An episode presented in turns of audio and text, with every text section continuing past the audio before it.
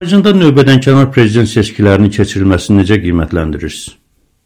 Bir qayda olaraq prezident seçkiləri ölkədə hər hansı siyasi böhranın yarandığı şəraitdə keçirilir. Yəni e, istər prezident seçkiləri, istər parlament seçkilərinin növbədən kənar keçirilməsi üçün e, ilk növbədə siyasi böhranın aradan qaldırılması şərti nəzərə alınır. Ancaq Azərbaycanda hər halda görünən hər hansı bir siyasi böhran mövcud deyil. E, ola bilər ki, e, cəmiyyətə məlum olmayan hansısa səbəblər var. Bu səbəbləri biz bilmirik. Yəqin ki, e, növbədən kənar prezident seçkiləri elan edən hökumət bunun səbəblərini yaxın vaxtlarda açıqlayacaq.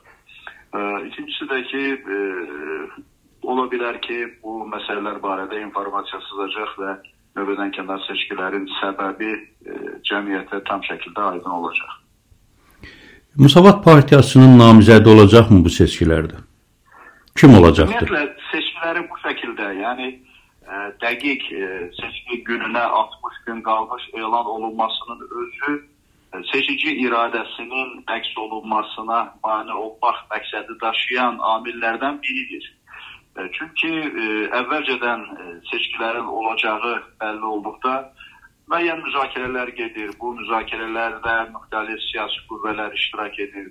Müxtəlif koalisiyaların yaradılmasına ə, ə, imkan açılır. Ə, bəzi ə, demokratik ölkələrdə ilkin seçkilər keçirilir və s. Ancaq burada seçkilərə düz 60 gün qalmış seçkilər elan olunur. Əslində o deməkdir ki, seçki kampaniyası artıq bu gündən başlayıb və bu məsələ təbii ki, ə, digər siyasi partiyalarda olduğu kimi Müsavat Partiyasında da hələ müzakirə olunmuyor. Biz qısa müddətdə bu məsələlər ətrafında növbədən kənar prezident seçkiləri ilə əlaqədar müzakirələr aparıb bu müzakirələrin nəticəsini ictimaiyyətə elan edəcəyik.